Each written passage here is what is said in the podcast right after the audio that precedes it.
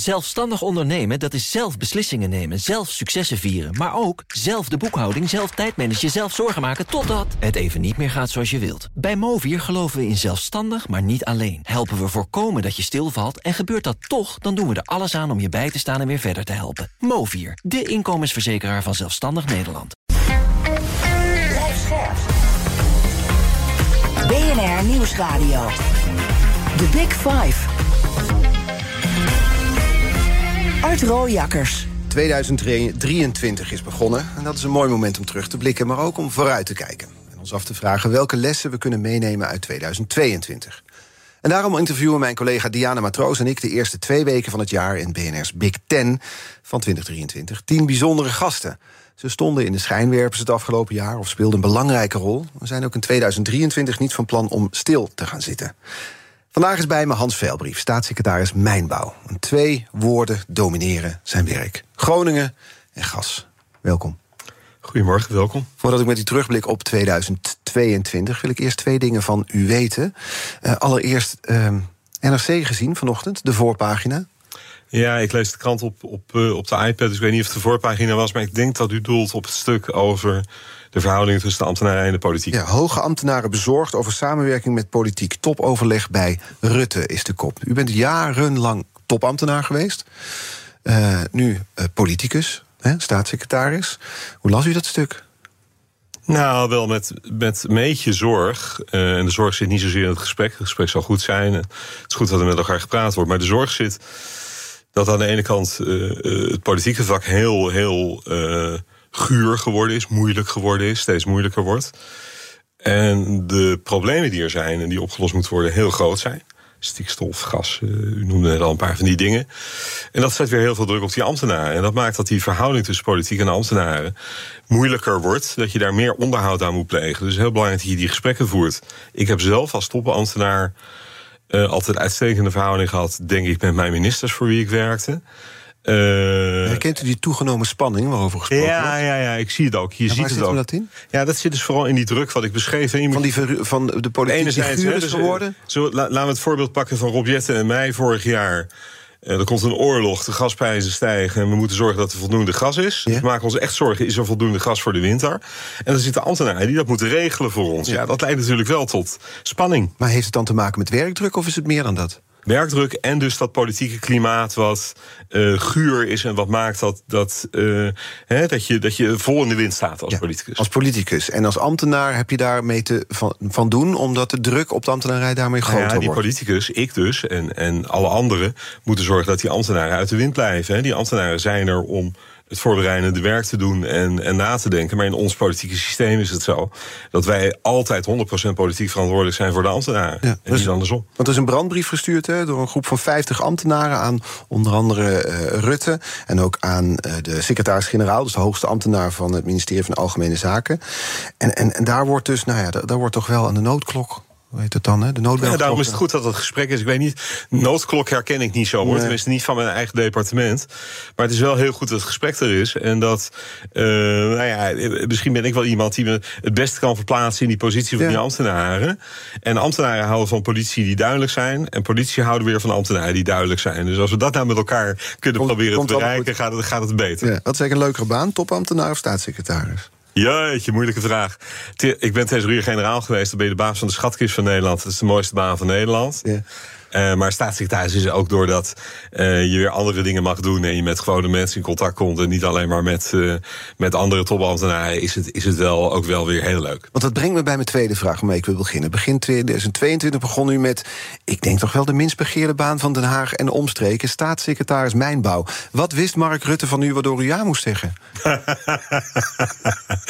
nou, Mark Rutte weet heel veel van mij, want wij kennen elkaar al heel lang. Namelijk ik als topambtenaar en hij als premier en politicus.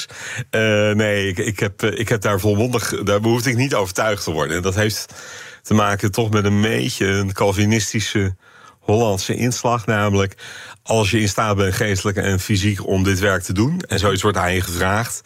Ja, dan zeg je alleen maar nee als er een reden is waarom je echt denkt dat je het niet kunt of niet moet doen. En ik dacht, ja, dit, dit is zo'n uitdaging om dit goed te regelen. Dit ga ik gewoon doen. U dacht, ik kan een verschil maken in deze maand? Ja, Dat denk, ja, dat denk ik, ja, dat klinkt ongelooflijk arrogant, maar dat denk ik altijd. Ik denk ook dat je dat moet denken als je zoiets gaat doen als dit. Want anders dan, ja, dan ben je ook niet overtuigd. Nee. U begon dus begin vorig jaar als de eerste staatssecretaris uh, mijnbouw. De inwerkperiode was wat anders dan u had gedacht, kan ik me zo voorstellen. Want Rusland viel Oekraïne binnen. Veranderde meteen alles voor u? Ja, veranderde al de eerste dag. Hè. Misschien kun je je herinneren dat op de eerste dag er enorme rijen stonden. Dus de dag van de beëdiging van een subsidieregeling in Groningen waar niet genoeg geld voor was. Toen kwam er daarna het bericht dat eh, mijn voorganger nog had moeten besluiten op basis van adviezen om de gaswinning in Groningen te verhogen. En toen de 24 februari viel uh, Rusland de Oekraïne binnen en toen was de wereld totaal anders. Ik geloof de Duitse kanselier zei: hè, we hebben een blad in de geschiedenis omgeslagen. Dat was ook echt wel zo. Je moet je echt voorstellen dat wij op EZK, dus Economische Zaken en Klimaat, continu vanaf toen bezig waren, Jet en ik vooral, om na te denken: hoe krijgen we in godesnaam voldoende gas naar Nederland? En hoe kunnen we dat combineren met het niet openen van Groningen? Want dat was natuurlijk mijn grote zorg, dat we toch weer veel meer zouden moeten gaan winnen in Groningen. Ja, want u wil het Groningse veld definitief sluiten in 2023, werd het gezegd, of 2024, ja. ligt aan de omstandigheden. Ja. Die oorlog bracht daar waarschijnlijk meteen verandering in. Want we hadden een grote behoefte aan gas dat niet uit Rusland komt. Hoge gasprijzen. Hoeveel momenten zijn er geweest dat u begon te twijfelen aan uw voornemen? Nou, ik heb laatst in de Kamer gezegd, in ieder geval één keer. Toen, toen ergens in die periode dacht ik, kan ik wel volhouden de belofte dat we in 23 of 24 sluiten. Want als we in de winter moeten gaan kiezen tussen. Uh, we staan hier, ik zit hier nu te kijken naar, naar een, een flat. Waar mensen wonen. Als we moeten kiezen. Flat, hè? Ja. ja. als we moeten kiezen, kunnen we die flats verwarmen. Uh, of, of moeten we dan Groningen daar maar voor openen in een noodsituatie?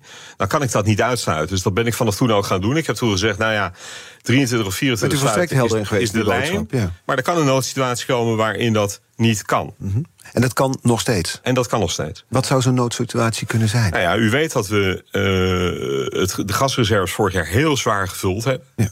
Veel meer dan we normaal gesproken doen. Tot 100 procent, hè? ja, ja we, we zaten ja, bijna 100 procent, ja. Uh, dat willen we dit jaar, willen we in ieder geval. We hebben in de Kamer gezegd, uh, tegen de Kamer gezegd, dat willen we in ieder geval voor 90% komend jaar ook weer doen. Dat hebben we vorig jaar voor een deel gedaan met Russisch gas. Dat is er niet meer. Of dat willen we niet meer, laten we het zo zeggen. En dat betekent dat we wel aan dat gas moeten zien te komen. Mm -hmm. Helpen sommige dingen. Hè. Soms word je door de voorzienigheid geholpen. Uh, kijk naar buiten, het ziet uit als lente. Ja. Dus dat helpt. we hebben heel veel goed werk gedaan uh, hier dan even een veer in, in de achterste van de gasunie. Uh, die dat geweldig, gas. Die geweldig geld, uh, werk hebben gedaan om LNG vloeibaar gas binnen te kunnen halen. maar dat moet allemaal weer meezitten dit jaar. En als dat allemaal meezit en we, en we kunnen dat goed regelen, kan ik gewoon de belofte handhaven. Maar er kan een noodsituatie ontstaan, heb ik steeds gezegd. Overigens, niet alleen in ons eigen land, vind ik ook mm wel belangrijk om te zeggen wij zijn ook solidair aan bijvoorbeeld Duitsland. En, ja, en, zijn we nogal aan verbonden ook als Ja, zijn we verbonden qua pijpleidingen. En als die Duitsers op een gegeven moment vragen aan ons... ja, we kunnen echt onze ziekenhuizen niet verwarmen. Jullie zullen, zullen, we hebben jullie nodig. Ja, dan zeg je natuurlijk geen nee. Dat heb ik al vaker gezegd. Nou, is dat een boodschap die ook nu volstrekt helder uit uw mond komt? Tegelijkertijd werkt u een paar dagen per maand in Groningen. Zit daar. Dan spreekt u dus vaak met ook gedupeerde Groningers. Um, ik kan me voorstellen dat zo'n verhaal als dit daar dan weer moeilijker te vertellen is. Nou, weet, weet u wat het aardig is aan Groningers? Uh, die zijn ontzettend uh, gewend aan uh, onder elkaar heel helder tegen elkaar te zijn. Dus als ik dit maar helder genoeg zeg. Ja? En niet met allerlei slagen om de arm, maar gewoon zeg hoe het is. Dus nee, we gaan in 23 of 24 sluiten. Maar kan een noodsituatie komen waarin er beroep wordt gedaan op de mhm. gasreserve in Groningen. Dan begrijpen ze het wel. Ze zijn er niet blij mee. Uh, het is ook niet het hoofdscenario. Ik blijf steeds zeggen, in 23, 24 gaan we dicht. En, en als we nu naar het weer kijken... en we zouden de reserves goed kunnen vullen op een andere manier... kunnen we misschien dit jaar al dicht. Ja. Het hangt natuurlijk ook van die oorlog af. Wat heeft het u gebracht, die paar dagen per maand in Groningen werken? Enorm veel. Enorm veel. Ik ben daar zo ontzettend blij mee dat ik dat gedaan heb. En dat heb, heb ik niet zelf verzonnen... maar daar hebben een aantal mensen om me heen gezegd... van je moet dat echt doen... En wat ik ook gedaan heb daar, dat weet je misschien. Ik heb, uh, spreek daar iedere keer dat ik daar ben. Dus ik ga aanstaande maandag weer. En dan begint dinsdagochtend. Heb ik altijd vier bewoners met problemen in schade of versterken. Mm -hmm. En dat heeft mij ontzettend veel gebracht. Omdat ik um, van hun, door hen beter begrijp wat het probleem is. Het valt mij ontzettend op als ik in het Westen in, uh, met mensen praat. Dat veel mensen denken: ja, ja, aardbeving van drie op de schaal van Richter. In Italië hebben ze er regelmatig een van vijf of zes. En dan probeer ik aan die mensen uit te leggen dat de bodem in Groningen zo slap is. Dat als daar een lichte aardbeving komt, hè, dat er gelijk grote effecten zijn. Oh, dat wist ik niet. En dan probeer ik aan die mensen uit te leggen dat er nog 13.000 huizen zijn, vermoedelijk, die nog vertimmerd moeten worden. Waar nog echt getimmerd moet worden, waar echt iets in het huis moet gebeuren, om ze überhaupt veilig te maken. Ja. Dus om- Veilig betekent dan dat je op tijd je huis uit kunt bij een aardbeving. Dus om dat helder voor ogen te krijgen. Om, en ook om gezichten te zien bij die verhalen. Ja. Zit u daar in, in ja, Groningen? ja, ja, ik zit dan in, in het stadhuis in Loppersum. The Big Five. Art Rojakkers. Met vandaag de gast Hans Velbrief, staatssecretaris Mijnbouw. Ehm, ja, u belooft flink door te pakken in dit hoofdpijndossier. Want dat is het toch wel zo, ook in Den Haag. Hè? Zowel op schadeafhandeling als het versterken van woningen. We hadden het er al over, 13.000 woningen die nog vertimmerd moeten worden. Wel flinke achterstand, hè? Ja, eh, ja. En dat is, ik bedoel, daar kun je, kun je, je kunt met achterstanden kun je op twee manieren omgaan. Je kan de hele dag praten over de achterstand, of je kan proberen om er wat aan te doen. En dat is wat ik probeer te doen. Eh, Hoe is maar- die achterstand opgelopen? Ja, dat is opgelopen door een het- Weet je, ik heb een keer gezegd in de Groningse krant, dat had ik niet moeten doen, maar ik ga het nu herhalen, omdat het beeld, het beeld, de enige manier is om het beeld goed te schetsen. Je had in de middeleeuwen had je wetenschappers en die zagen een heleboel verschijnselen, maar ze hadden wat moeite om al die verschijnselen met elkaar in verband te brengen, omdat er geen, er was nog geen echt, ja, er was wat natuurkunde, maar dat was oude natuurkunde. Zo is het een beetje met die versterkingsoperatie in Groningen. Dat verbeteren, dat versterken van die huizen. Je weet wat er allemaal gebeurt. Je ziet dat er een heleboel misgaat. Maar het is heel moeilijk om aan te wijzen waar het nou precies misgaat. En wat ik probeer te doen is, ik heb daarvoor ook Bernard Wientjes eh, gevraagd. Die is een aantal maanden daar in, het, in de kern van het aardbevingsgebied bezig geweest. Wat ik probeer te doen is stuk voor stuk nu proberen de elementen eruit te halen waarom het misgaat. Dus het is heel eenvoudig gezegd van ja, hè, dat lees je heel vaak in een krant. Ja, het ligt aan de bureaucratie. Ja, het ligt aan de bureaucratie. Maar kunnen, wat zullen we dan precies zijn met elkaar wat we dan bedoelen met de bureaucratie? Dat is ook maar een containerbegrip. Eh, eh, of het ligt aan te weinig capaciteit bij de aannemers in Groningen. Dan bel ik met Maxime Verhagen hè, van Bouwend Nederland. Zeg ik, Maxime, zijn er te weinig aannemers in Groningen? Nee hoor, maar dat zit hier en hierin. Oké, dan gaan we dat regelen. Dus het is echt een kwestie. Dit is typisch zo'n dossier waar je. Waar een regisseur op moet zitten. Ja, je moet. Je, en je moet. Ik, ik voel mij Bent u dus. dat? Ja, nou ja, dat voel ik me dus. Daarom zit ik ook weer zo vaak in Groningen. Ik voel me dus vaak iemand die alleen maar probeert te kijken van waar moet, aan welk schroefje moet ik nou draaien om het proces wel goed te laten gaan. Eh, er komt een enquêterapport, hè, de, de parlementaire enquête. Daar komen ook waarschijnlijk weer een aantal ideeën uit. En ik zeg maar steeds tegen de Groningers, en ik zeg het ook tegen u nu: er is geen magische oplossing. Er is geen silver bullet. Als je nou dit doet, dan gaat het sneller. Nee, je moet al die dingen doen. Ik noem daar net twee, maar er zijn Ja. er tien of twintig. Die middels Else wetenschapper, die het ook niet precies weet. En al die dingen moet je doen. Maar uiteindelijk ben je, eh, zit je in een huis dat vertimmerd moet worden... waarvan je denkt, wanneer gaat dit nou gebeuren? En zal er ongetwijfeld begrip zijn voor het feit... dat je geen silver bullet is. Maar uiteindelijk zit je nog steeds naar die scheur in je huis te kijken... of naar het idee dat je huis niet eh, veilig genoeg is. Ja, en die mensen, eh, en nu, dat is veel, nu kom je op een heel serieus punt. Die mensen lijden daar natuurlijk onder. Dat, ik spreek die mensen. eh, het leidt tot stress in gezinnen. Het leidt tot scheidingen. Het leidt tot eh, fysieke problemen, hartproblemen, mentale problemen.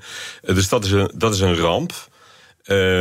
Wat ik nu gedaan heb, is bijvoorbeeld dat ik nu gezegd heb... in de kern van het aardbevingsgebied, dus in vier kleine kernen rond Loppersum. Ja, Loppersum die is- komt een dorp aanpakken. komt dan? dorpen aanpakken. En daar ga ik dus proberen om dorp voor dorp achter elkaar nu die versterking te laten doen. Die huizen moeten allemaal versterkt worden. Die zitten allemaal in de kern, of bijna allemaal. Dus dan ga ik dan dorp voor dorp ga ik dat proberen aan te pakken... zodat die mensen ook op een gegeven moment het idee hebben... we beginnen in Galsweer in maart... dat die mensen in Galsweer ook het idee hebben... als we dan klaar zijn in Galsweer, zijn we wel klaar. Ja. Hè? Nou, Ja. dat. Ja, ja, ja. u heeft al uw excuses er een keer voor aangeboden, hè? Ja, dat kan ik nog een keer doen. Ja, hoe lang kunt u uw excuus blijven maken? nee, precies. Ik zie, ik zie ook.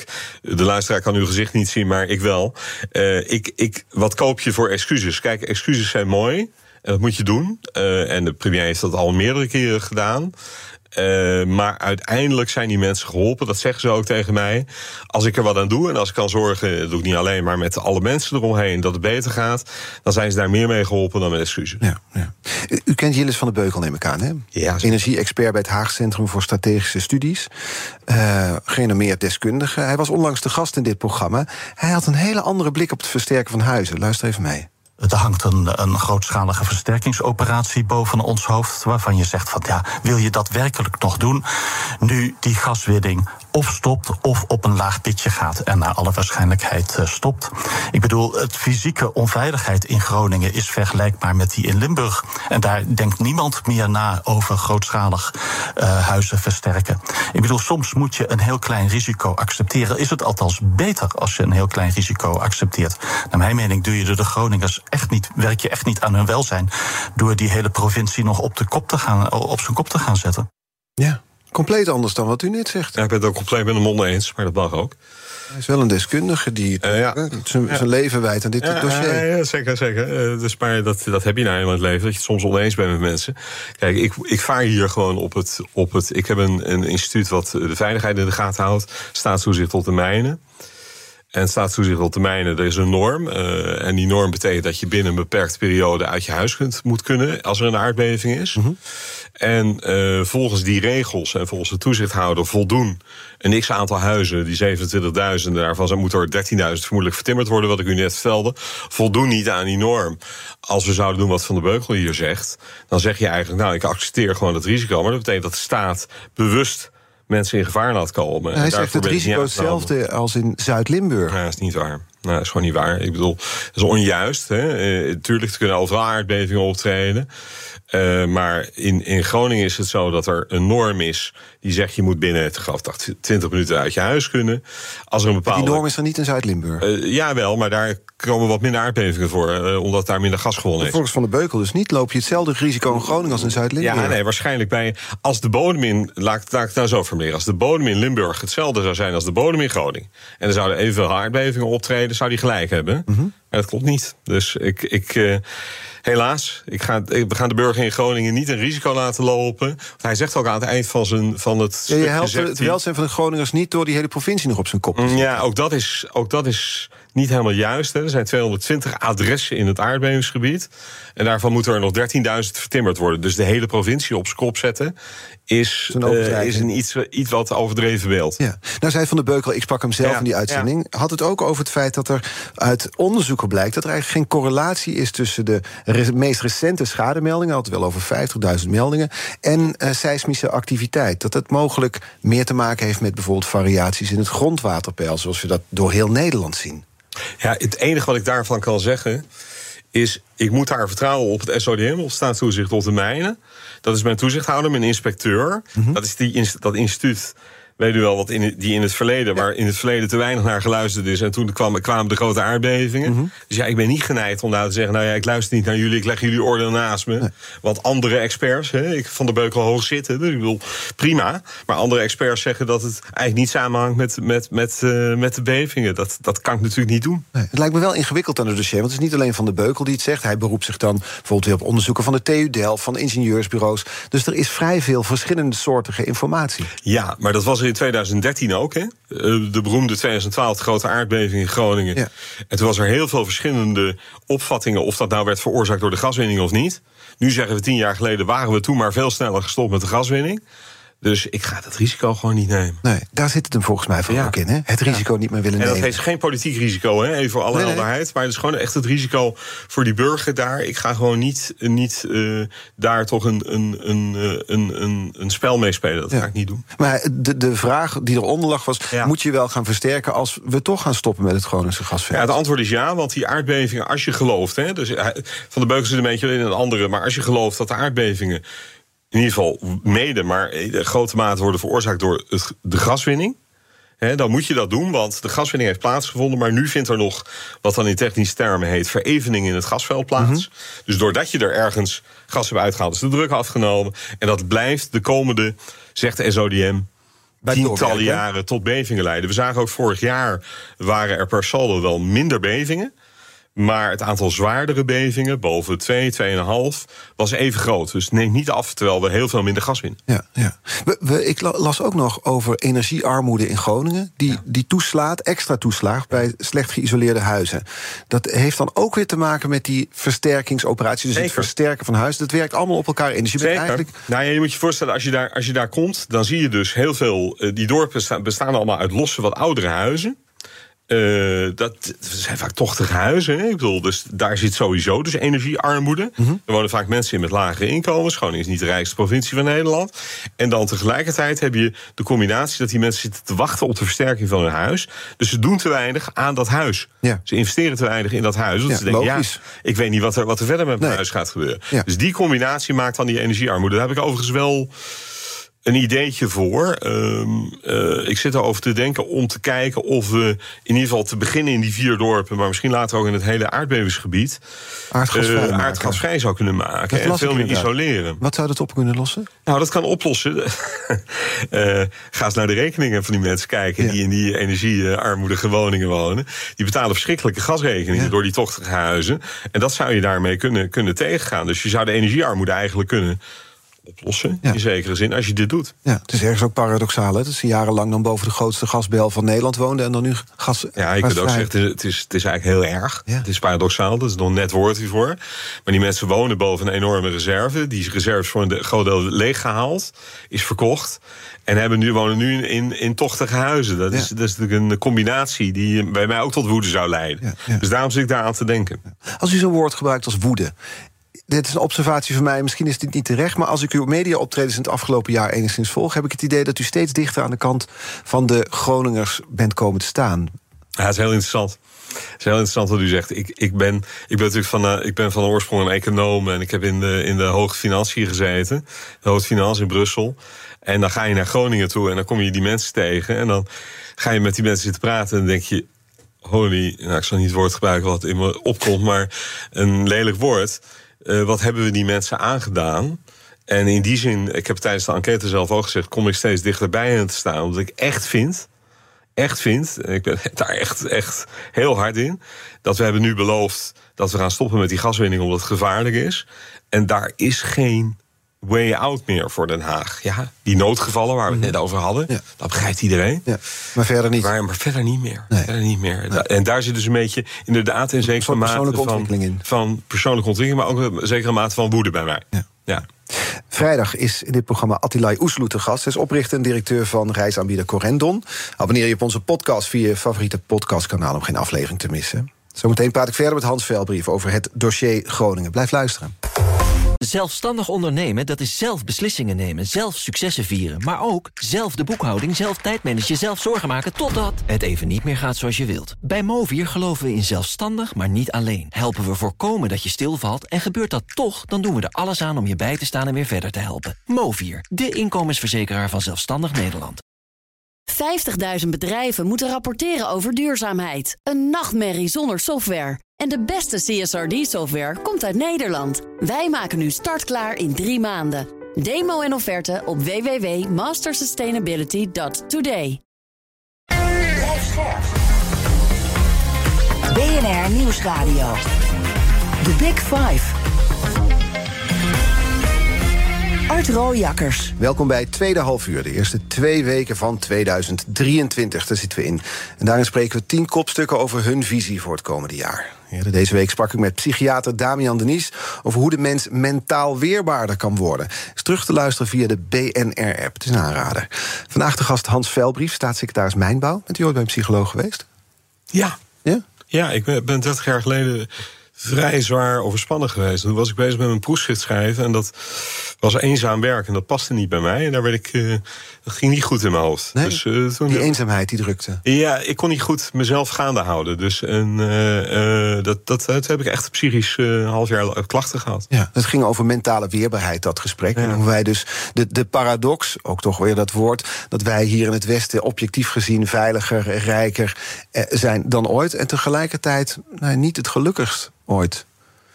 Ja, je zou kunnen zeggen, het is Maslow misschien. Hè? Als alle andere dingen geregeld zijn, dan ga je zorgen maken hierover. Maar mijn eigen ervaring is dat het gewoon dan komt doordat je... Op een verkeerde plek zit. Een verkeerde, verkeerde plek zat ik. Ja. Ik zat gewoon het verkeerde werk te doen. Ja. En nu, dat is daarna, die 30 jaar daarna het juiste werk geweest. De ja, je houdt, wel, je houdt wel van zo'n periode, hou je over. Dat is de grote les die ik ervan. Ik ben inderdaad weerbaarder door geworden, dat ik heel goed door heb als ik dingen verkeerd doe. Ja? Dus eh, als, als, dat? ik, als ik dus mijn werk verkeerd aanpak en niet de goede dingen doe, Ja? dan merk ik aan mezelf dat het tot spanning leidt. En dan denk ik, oh, ho, even oppassen. En wat zijn bijvoorbeeld dingen die niet goed doen? Nou ja, de- als je, als je eh, te gestrest dingen doet, waardoor je. dan krijg je heel, heel gauw last van hoofdpijn. Dus ik heb een aantal.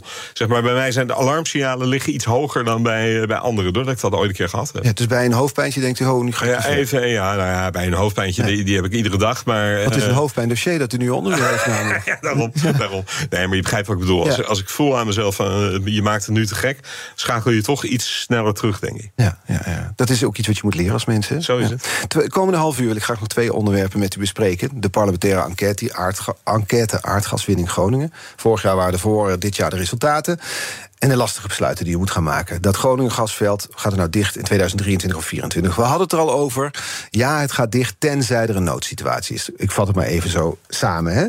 Ehm, we zijn nu nog 77% gevuld qua gas. Ja, dat is natuurlijk een eh, enorme meevaller... die echt eh, niets te maken heeft met eh, het briljante werk van dit kabinet. Ik zou het graag zeggen, maar dat is niet waar. Ja. Het ligt aan het weer. We hadden het wel heel goed gevuld. Mhm. Dat is waar. We hadden beter gevuld dan andere jaren. Maar daardoor zitten nu nog zoveel in die opslagen. Ja. We hebben hele grote opslagen in dit land. Dus we hebben een hele grote opslag in Bergenmeer in Noord-Holland. Mhm. En er ligt ook een hele grote opslag in Groningen-Norg. En die opslagen gebruiken we dus nu ook heel, eh, heel nadrukkelijk. Ja. Hoe ziet dat er eigenlijk uit, zo'n opslag? is dat gewoon een grote kuil in de grond van gas? Nee, ja, er staan ook wel allerlei apparaten boven. eh, die, die ervoor zorgen dat je erin en eruit kunt eh, halen, gas. Eh, maar zo ziet het eruit. Het is een grote vlakte. Ga maar eens een keer kijken. Ja, er zal niet zoveel te zien zijn, denk Nee, ik. dat is niet te zien. Nee, nee. Ehm, we gaan toch nog heel even naar de sluiten toe. Want waarom is het nou zo belangrijk, vindt u, dat het gasveld dicht moet? Nou, dat is eigenlijk ontzettend simpel. Dus daarom, daarom is, vind ik het altijd fijn om het te vertellen. want Het is niet zo ingewikkeld. SODM, dus de toezichthouder waar we het in het eerste half uur al Ja. even over gehad hebben. Hè? Die zegt, eh, de enige vorm van gaswinning die veilig is in Groningen is nul. Niet twee, niet drie BCM'en, dat zijn miljarden kubieke meters. Maar nul. En eh, als je nul wil doen, eh, betekent dat geen gas meer winnen in Groningen. Eh, en eh, dat is de enige veilige niveau voor Groningers. Dus daar is eigenlijk geen keus. Nee. Daar is eigenlijk geen keuze. Overigens is die beslissing. Maar kun je ook zeggen, de enige manier om nul auto-ongelukken te hebben... is om al het verkeer stil te Zeker, leggen. Doen we ook niet. Nee, maar dat komt dat je vaak geen alternatief hebt voor autogebruik. Maar hebben we misschien Hier ook niet voor gas? Nee, daarom. Daar zijn we weer terug bij de noodsituatie, waar we het de eerste half uur ook over hadden. Er kan een noodsituatie zijn, maar in alle andere gevallen, als de oorlog dus eh, zich zou ontwikkelen in een gunstige richting. En we komen niet in die noodsituatie terecht. Dan is is, oktober 23 echt een serieuze moment. En anders oktober 24, waarvan ik dan hoop dat dan niemand die het weet, maar de geopolitieke spanningen zodanig zijn dat je dat ook verantwoord kunt besluiten. Ja. Een diametraal mening, mening die er helemaal tegenover staat... is er een van econoom Bas Jacobs. Kent u? Ja. Was de gast in dit programma een poos geleden... in een week, die hadden wij advies aan Rutte genoemd. Toevallig was hij de avond ervoor in het katshuis geweest, bij Rutte... om met een aantal andere economen adviezen te geven voor het beleid. Hij zei, ja, toch is het wel de moeite waard... om de discussie over het open van Groningen, opengooien van Groningen te gaan voeren. Want gasvoorraad, 700 miljard waard, zegt Jacobs. En dan vraagt hij zich af of je al die miljarden wel in de grond moet laten zitten... voor wat hij zegt, een paar duizend Groningers... terwijl al miljoenen Nederlanders in energiearmoede terecht kunnen komen. Ja, ik probeer, ik probeer om eh, rationeel te antwoorden. Ik, In plaats van emotioneel? ja, ik, ik, zie word, het ik, word er, ik word er een beetje boos van. Vertel. Nou ja, weet je, tegen Bas Jacobs zou ik willen zeggen... ga eens een keer mee en dan ga je twee dagen met mij mee in Groningen... dan gaan we eens met mensen daar praten. Mhm. Hè, dat is, wij zitten hier, ik ook hoor, ik woon hier in het westen... en wij zitten hier eh, dro- dro- nou ja, voorlopig droog en veilig. Ja. Eh, die mensen zitten in gescheurde huizen. Die mensen zitten met kinderen die bang zijn voor de volgende aardbeving. Kinderen die uit hun bed rollen. Het is nogal makkelijk gezegd allemaal. Het is nogal makkelijk gezegd. En natuurlijk gaat het om veel geld. Natuurlijk zit er nog veel gas in de grond. Voor alle duidelijkheid, Jacobs ontkende dat leed niet. Hij zegt Nee, alleen, nee, er is ook een leed van miljoenen Nederlanders... die in energiearmoede terecht Zeker, te zeker. En die proberen we ook te helpen op hele andere manieren. Die Ja. hebben we energieplafond voor ingevoerd. Hebben we allemaal op andere manieren geregeld. Eh, maar ik, ik wil de koele. Ik heb al een keer eerder gezegd, kostenbatenanalyses toepassen op Groningen, daar is het iets te laat voor. Daar hebben we Die tijd iets is te- geweest. daar hebben we iets te lang voor leed veroorzaakt door veel te lang door te gaan met die gaswinning op een veel te hoog niveau. Dat is niet meer aan de orde. Eh, De enige juiste beslissing is sluiten, wat mij betreft. En dan, dan geef ik toe, want ik ben ook econoom, dat je een hoop geld onder de grond laat zitten. Ja, waar. Ja, maar dat is dan maar zo. Want Dat is dan maar zo. ja, dat staat niet in verhouding tot het leed dat er anders is voor de Ja, Groningers. ja, zo is het. We hadden het al over Jillis van der Beukel, energiedeskundige. Ja. Die was in diezelfde week te gast, ging over de energietransitie, over gas. En hij was toch over één uitspraak van u, eh, was hij kritisch. Het ging erover of je in tijden van nood, dus het Groningse gasveld bijvoorbeeld, gedeeltelijk open zou kunnen eh, zetten. Dan zei u van, nou, dat, dat, ja, luister mee wat hij erover zegt. Het had ons nu in deze tijd ontzettend veel geld kunnen opleveren. Hè, 10 miljard kuub jaarlijks, wat veel minder is wat technisch mogelijk is. 10 miljard euro dat, dat, eh, dat het oplevert. Ja, en het zou de TTF, de groothandelsprijs voor gas, wat naar beneden hebben kunnen drukken, ja. Tegelijkertijd las ik dat de staatssecretaris Veilbrief eh, zei... nou, dat had eigenlijk bijna helemaal geen invloed gehad... of Groningen nou open was geweest of niet. Ik denk dat de staatssecretaris die discussie niet meer wil heropenen. Dat kan ik me voorstellen. Het is heel pijnlijk voor de Groningers. Maar die uitlating, ja, die is raar. Want ga maar na. Als je meer aanbod op een krappe markt weet te brengen, natuurlijk beïnvloedt dat de prijs. Ja, hij zegt die prijs, als we nou wel het Groningsgas hadden gedaan, had op Europees niveau was de prijs met 10% omlaag gegaan. Ja, er is, een- er is ook een studie eh, kwijt eh, in een economenblad eh, hierover gemaakt. Dit is een. eh, ik heb in juni gezegd, eh, even heel precies zijn. In juni Ja? heb ik gezegd: ik denk niet dat hoeveelheid Gronings gas eh, die wij kunnen winnen.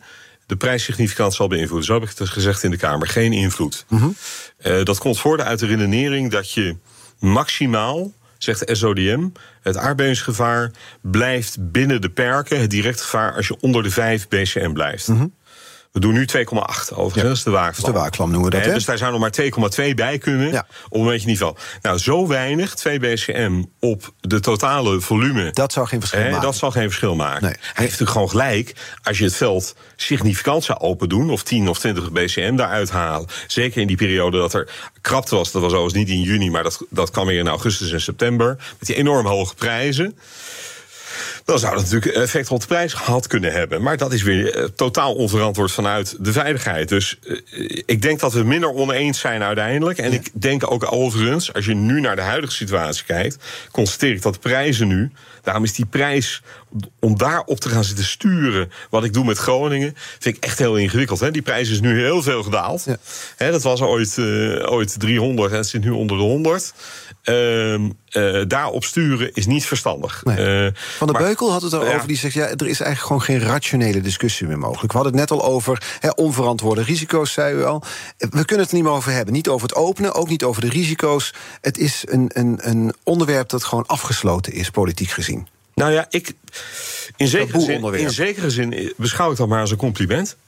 Want ik heb eh, gezegd toen ik kwam dat ik een aantal doelen had. We hebben het gehad over het versterken en de schade. Maar eh, een van mijn hoofddoelen is de gaswinning naar nul terugbrengen. Ja.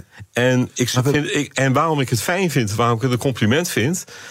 is dat dit toch de Groningers het meeste zekerheid zal geven. Ja, tegelijkertijd kun je ook zeggen dat we politici als u hebben om discussies rationeel te voeren, niet emotioneel. Nee, maar ik, ik geloof niet dat ik. Ik werd even emotioneel net toen we het over Bas hadden. Die iets te snel, vond ik, rekende. En iets te weinig rekening hield met het leed.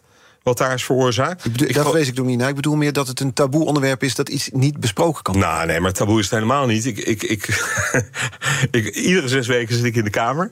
En iedere zes weken is er in de Kamer wel iemand die dit zegt. Dus, eh, en Jillis van de Beukel blijft het ook gewoon zeggen. Ja, dat ja. is ook zo goed recht. Dus blijft terugkomen. Eh, dus blijft terugkomen. Ja. Eh, we hebben een kettingvraag in dit programma. Gisteren was hier te gast Marielle Tweebeke, journalist bij Nieuwsuur. Bent ook wel eens door haar geïnterviewd, ja, hè? Ja, ja, zeker. Ze was complimenteus over u trouwens. Dat u zo open fijn. en transparant bent in uw antwoorden. Is ook de ervaring hier tot nu toe. Had deze vraag voor u. Hij was natuurlijk voordat hij politicus werd, was hij hoogambtenaar, ook in Brussel. Wat hij nou het, eh, het grootste verschil, en misschien ook wel het moeilijkste vindt om als politicus in tegenstelling tot de ambtenarij. En daar zou ik aan toe willen voegen, daar ben ik wel nieuwsgierig naar. Dat politieke vak moet je natuurlijk dan, dan leren. Heeft hij een collega, staatssecretaris of minister? En dan mag het niet van zijn eigen partij zijn, want dat vind ik dan een beetje week. Maar dan wil ik weten van wie hij het meeste heeft geleerd en waar hij met het meeste ontzag naar kijkt. Jeetje, dat is echt een goede politicus. Daar heb ik wat van meegenomen. Nou, prachtige vragen. Ja. Prachtige vraag. Het grote verschil is de, heel simpel eh, de publieke aandacht. Dus als ambtenaar, dat was helemaal het begin van ons gesprek, Ja. zei ik al. Ambtenaren horen niet in de wind staan. Dus een ambtenaar, ook een hele hoge ambtenaar, dat was ik op een gegeven moment in Brussel. eh, is wel bekend, maar eh, geeft wel eens een interview. Maar zit niet iedere avond op tv, hoeft niet naar de Tweede Kamer toe. Eh, dat is echt het grote verschil. Dat is ook het moeilijkste in de overgang. Wat heeft die aandacht veranderd voor u? Nou ja, dat betekent gewoon dat je continu moet opletten. eh, eh, wat je zegt, wat je doet. Eh, hè, er staan continu camera's op je Ja. gericht. Was dat bij uw karakter? Nee, dat is precies wat ik zeg nu. Dus, dus ik moet, ik moet opletten dat ik, dat ik, dat ik wel continu gevolgd word. En dat. Het, heeft ook, ik bedoel, het is ook wel leuk om zo'n gesprek met u te voeren, bijvoorbeeld. Het, is, het scheelt ook wel, hè, om over jezelf te praten is altijd leuk. Ja. Maar dit is wel dit is het grote verschil. Ja, je moet weer op je hoede zijn. Je moet meer op je hoede zijn. Eh, mijn grote voorbeeld. Ja. eh, eh, ik ga niet iemand uit het huidige kabinet nemen, maar ik heb voor één minister, ik heb voor hele goede ministers gewerkt, maar de- hij mocht niet van mijn partij zijn. Eh, is Jeroen Dijsselbloem. Dat vond ik. eh, ja. Omdat hij eh, twee dingen aan elkaar paarden die heel belangrijk zijn in de politiek, namelijk moed. Een hele moedige man. Gecombineerd met een ongelooflijk goed verstand en een ongelooflijk goede analytische capaciteiten. En dat maakte dat hij op de plek waar hij zat. het in mijn ogen echt geweldig heeft gedaan. Wat heeft u van hem geleerd? Of waarin is hij een inspiratie? Nou, ik, ik, hij is een inspiratie in kanten in de storm. Dus een, een eh, zeg maar de, de beste. Als ik een stuurman nodig had, als er windkracht 8 stond, Ja. belde ik Jeroen Dijsselbloem. Zelfstandig ondernemen, dat is zelf beslissingen nemen, zelf successen vieren... maar ook zelf de boekhouding, zelf tijdmanagen, zelf zorgen maken... totdat het even niet meer gaat zoals je wilt. Bij Movier geloven we in zelfstandig, maar niet alleen. Helpen we voorkomen dat je stilvalt en gebeurt dat toch... dan doen we er alles aan om je bij te staan en weer verder te helpen. Movier, de inkomensverzekeraar van Zelfstandig Nederland. 50.000 bedrijven moeten rapporteren over duurzaamheid. Een nachtmerrie zonder software. En de beste CSRD-software komt uit Nederland. Wij maken nu startklaar in drie maanden. Demo en offerte op www.mastersustainability.today. BNR Nieuwsradio. The Big Five. Art Rojakkers. Je luistert naar BNR's Big Ten van 2023. Later deze week praat ik nog met Attilay Oesloe. Hij is oprichter en directeur van reisaanbieder Corendon. Over leiding geven in zekere en onzekere tijden. Vandaag de gast Hans Veilbrief. Die kan er ook over meepraten trouwens. Staatssecretaris Mijnbouw. Laten we het over die parlementaire enquête hebben. Want in, eh, over Ja. de gaswinning. In oktober 22 waren de openbare verhoren daarvan. Aardgaswinning Groningen, die parlementaire enquête. Iedereen kon het volgen. U bent er zelf ook verhoord. Wat is eigenlijk het meest opzienbarende wat u daar zelf te horen kreeg tijdens die verhoren? Je bedoelt van anderen of wat ik zelf Van anderen, gezegd- ja. ja. Ik neem aan dat u niet drie weken lang elke dag voor de tv nee, zat. Ik heb niet maar- alles gezien. Eh, ik vond zelf natuurlijk. Kijk, eh sta met je aan bij de rest van, het, van ons, eh, ons gesprek. Ik vond zelf de gesprekken met die Groningers, dus die vertelden over hun eigen ervaringen. Toch echt eh, heel, heel, zeg maar, door merg en been gaat. Dat was één. En het tweede was. Ehm, het totaal gebrek aan aandacht dat er een aantal jaren geweest is voor de veiligheid. Hè, eh, wat natuurlijk heel goed naar boven kwam in alle verhoren eh, over de periode zo rond 2011, 12, 13, toen die grote aardbeving in Huizingen was. Dat vond ik eigenlijk de twee grote opvallende dingen voor mezelf. Ja, ja. U zat daar zelf. U was natuurlijk pas sinds januari was u staatssecretaris. Ja. Maar dat is dan toch een bijzondere stoel waar je op gaat zitten tegenover zo'n enquêtecommissie. het kan is, ik me het is, eh, het is nou, om het maar gewoon aan de luisteraar het beste over te brengen, het is doodeng. ja? Ja, ik vond doodeng. Het is doodeng omdat je, eh, eh, je... Ik was gewoon echt heel nerveus even. Eh, en dat komt gewoon dat? omdat je... Ja, je zit daar in een, in een, in een bijna een arena om je heen. Staan Mhm. tribunes om je heen die met je oplopen. Er zit een, een toch streng kijkend gezelschap... van mensen die ik af en toe overigens goed kende. Ja. Maar als Kamerlid, eh collega geweest in het jaar dat ik ook, eh, ook in de Kamer zat. Eh, en dat is echt eng. En je weet ook gewoon dat je onder Ede staat. Dus eh, je, je, niet dat je daar normaal gesproken niet de waarheid vertelt, maar hier is gewoon, ja, het gaat om waarheidsvinding. En dat maakt het Nog gewoon. geen foutje maken. Nee, nee. En dat eh, ook op inhoud niet. Hè. Ik- Het voelt toch een beetje. eh, toch half als, als een examen. Mhm. Hè? dus eh doodeng. Maar op een gegeven moment het gesprek ging bij mij. Vond ik zelf best goed. Ja. En op een gegeven moment kwam ik ook los. En toen, toen werd, het, werd het veel ontspannender. Maar het is wel, wel heftig. Ja. U zei razend te zijn. Ja, op de over weigering van de NAM om de rekeningen voor schadeherstel en versterking van huizen volledig te betalen. Ja, dat weet de NAM ook wel. Eh, de NAM is de Nederlandse aardoliemaatschappij. Dat is een, eh, een bedrijf, eh, een, een joint venture van Shell en Esso. Ja. En ik vind gewoon dat waar de staat zijn aandeel moet pakken in, schade, in de kosten van schade en versterken, dat NAM dat ook helemaal volledig moet doen en niet over ieder bonnetje moet gaan zeuren. En daar, daar word ik razend van, ja. Ja. Omdat, omdat gewoon, ik bedoel, je maakt ook richting die mensen in Groningen geef je een beetje de indruk van, nou weet je, eh, ja, we begrijpen jullie leed, maar we gaan wel tot de laatste euro gaan we proberen om het niet te betalen. Niet echt goed voor het vertrouwen. Nee, nee, dat is niet goed. Je gaat met ze onderhandelen, toch? Met Shell en met Esso Ja. over de afkoop voor de aansprakelijkheid van de Groningshaven. Ja. Hoe, staat het, hoe staat het ervoor? Dat, dat gaat nu beginnen, serieus beginnen. Dus Wat we hebben een halfjaartje gehad om voor te bereiden. Ehm, en eh, nu gaan die onderhandelingen beginnen. Ik heb het eerste gesprek in december, het startgesprek in december gehad. Ja. Ja, dat is precair, want eh, we zijn het erg oneens. Dat hoorde u net aan, eh, aan mijn woorden. Ja. Eh, tegelijkertijd, ook met mensen die je oneens bent, waar je het mee oneens bent, moet je praten. En dat ga ik ook doen. Een Wat deel is de inzet vanuit u? nou, zoveel mogelijk de NAM aansprakelijk houden voor waar ze aansprakelijk voor zijn. Eh, en dat betekent dat het gesprek, heb ik steeds gezegd, er bepaald geen garantie is voor succes. Nee. Maar u wilt ook bijvoorbeeld compensatie voor psychische schade, las ik. Ja, nou ja, dat is ook veroorzaakt door die bevingen. Dus ik bedoel, eh, en daarmee door de gaswinning. En dus, ja, ik zie, dat, ik zie daar het verschil niet goed. Nee, ja, de partijen zullen bang zijn voor een open rekening waarschijnlijk. Ja, ja, ja, dat begrijp ik. Maar ze zijn nu ook. Hè, eh, ik bedoel, we kunnen het op twee manieren doen. Als je nu geen afspraken maakt, blijven ze verantwoordelijk en kunnen ze ieder moment voor de rechter gehaald worden. Dus ik bedoel, het is ook een beetje. Daarom willen zij ook graag die gesprekken voeren. En ik ook wel. Ja. Om te proberen om daar. Het is niet zo, niet zo fijn als de staat continu aan het procederen is met, met grote ondernemingen. Dus Nee, voor die onderneming ook niet bedoelt u. En voor Nee. die onderneming niet en voor de staat ook niet. Nee. Is er iets te zeggen wanneer er een deal zou kunnen komen voor Gronings op dit vlak? Nee, maar het heeft tijd nodig. Dus ik, eh, daar moet je echt denken aan maanden, maanden, maanden... om daar goed met elkaar over, over te praten. Nee, daar durf ik eigenlijk geen, geen datum op te zetten. Dat kan ik beter niet doen.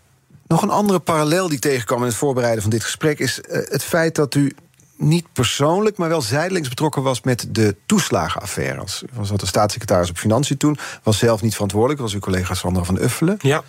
Maar dat ging natuurlijk ook over burgers die eh, tegenover een systeem van de overheid komen te staan. Die in zekere zin vermorzeld worden door zo'n groot eh, systeem dat over hen heen eh, gaat. Nu maakt u min of meer, hè, we, we kunnen het wel toch met elkaar vergelijken. Het zijn parallellen te trekken. Ziet u dat zelf ook zo? Zeker, zeker. Ik had in een van die gesprekken in Groningen... eh, ik denk even de eerste maand, er kwam er een man binnenlopen. Het was een hele stoere man in een, in een eh, legerjasje. Hij bleek ook eh, voor de Verenigde Naties in het buitenland te hebben gezeten. En die man kwam binnen met een, met een rood hoofd. En een rood hoofd van boosheid. Over wat hem allemaal was aangedaan in het kader van schade en versterken. En ging op een gegeven moment tegen de muur staan en zei: Zo voel ik mij, met zijn handen zo tegen de muur. En toen dacht ik, ja, dat is inderdaad als je dus tegenover grote bureaucratieën staat. In Groningen dus het Instituut Mijnbouwschade Groningen en de NCG, Nationaal Commissaris Groningen. Ehm, en die voor schade en versterken zijn. En je krijgt daar voor je gevoel niet je recht. Dan wordt er over je heen gedenderd. eh, en dan verlies je het vertrouwen. Eh, dus een van mijn belangrijke motivaties. Je vroeg eerder van ja, waarom doe je dit werk eigenlijk? Nou ja, een van die motivaties is dat je eigenlijk wil dat die overheid niet tegenover de burger staat. Maar naast de burger, nou dat is een prachtig cliché, dat wil iedereen natuurlijk. Maar de vraag, eh, de parallel is er. En ik hoop dat ik nou juist in Groningen kan bereiken dat men op een gegeven moment daar zegt: oké, oké, de overheid heeft het geleerd en handelt echt anders. Heeft de overheid ook geleerd, vroeg ik me af. Want die toeslagenaffaire heeft u dus meegemaakt op het ministerie van Financiën. Ja. Nu maakt u deze Ja. kwestie mee over het Groningse gasveld. Wat, wat is het leerproces? Nou, de overheid leert, en ik denk dat we ook leren, maar de overheid bestaat niet. Hè? Dat, zijn, dat ben ik, Dat zijn en mensen, die dat zijn ambtenaren, en ik ben verantwoordelijk. Ja. Dus ik laat er maar voor mezelf praten. wat is het lerend vermogen? Ik geloof dat ik ervan leer in de zin, ik ga u een voorbeeld geven. Bij de schadeafhandeling, dat gaat eigenlijk best efficiënt en goed. Maar zodra mensen daar het oneens zijn met het Instituut Mijnbouwschade Groningen, komen ze in een juridisch moeras terecht. En hebben ze het gevoel vaak dat ze tegen dure advocaten aanlopen waar ze geen enkele kans hebben. Nou, daarvan heb ik tegen de IMG al een aantal keren gezegd... dat moet echt anders. Jullie moeten dat anders gaan doen. En dat gaan we ook anders doen. Ben ik met ze over in gesprek. Omdat jullie anders te veel het idee geven... dat jullie tegenover die burger staan. Dus daar, daar denk ik dan van, in alle Dat is een les die u bescheidenheid... mee heeft daar kan ik, dan wel, kan ik echt iets aan doen. Helder. Ja. Morgen eh, ook een politieke gast in dit programma. De voorvrouw van de Boer-Burgerbeweging, Caroline van der Plas. U mag haar een kettingvraag stellen. Wat is dat? Mijn vraag aan Caroline zou zijn: eh, zij wordt eh, nogal bedreigd door, door groepen. Zij staat midden in een van de meest gepolariseerde eh, onderwerpen die er is, stikstof. Mijn vraag aan haar zou zijn: hoe voelt dat? Wat doet dat met haar? Maar ook hoe probeert zij zelf bij te dragen om die polarisatie toch terug te brengen en het veel meer terug te brengen naar een gesprek met elkaar. Hoe moeilijk is dat voor haar, gegeven haar achtergrond en gegeven ook die bedreiging? dat zou mijn vraag zijn. Morgen eigenlijk eh, gaan we het aan haar voorleggen. Wordt u eigenlijk bedreigd? Nee. Nee? Nee. Terwijl toch ook een explosief dossier is dit? Ja, ik, nee, ik word niet bedreigd. Ja, ik moet het eerlijke antwoord geven. nou. Ik krijg wel eens een boze brief. Ja, dat is iets anders. Fijn voor u. En succes de komende tijd, jaren misschien wel. In ieder geval het komende jaar daar met eh, het dossier Groningen. Dank voor de komst vandaag, Hans Velbrief. U ook, dank. staatssecretaris. Alle afleveringen van BNR's Big Five zijn natuurlijk terug te luisteren. Je kunt onze podcast, eh, daar kun je op abonneren via onze app... of je favoriete podcastkanaal natuurlijk... om geen aflevering te missen. En nu op deze zender Iman van Rips... die het dus gaat hebben over die goedkope vliegtickets... die niet meer zo goedkoop gaan zijn binnen Europa in BNR Breekt. Tot morgen. Zelfstandig ondernemen, dat is zelf beslissingen nemen, zelf successen vieren. Maar ook zelf de boekhouding, zelf tijdmanagen, zelf zorgen maken... totdat het even niet meer gaat zoals je wilt. Bij Movier geloven we in zelfstandig, maar niet alleen. Helpen we voorkomen dat je stilvalt en gebeurt dat toch... dan doen we er alles aan om je bij te staan en weer verder te helpen. Movier, de inkomensverzekeraar van Zelfstandig Nederland.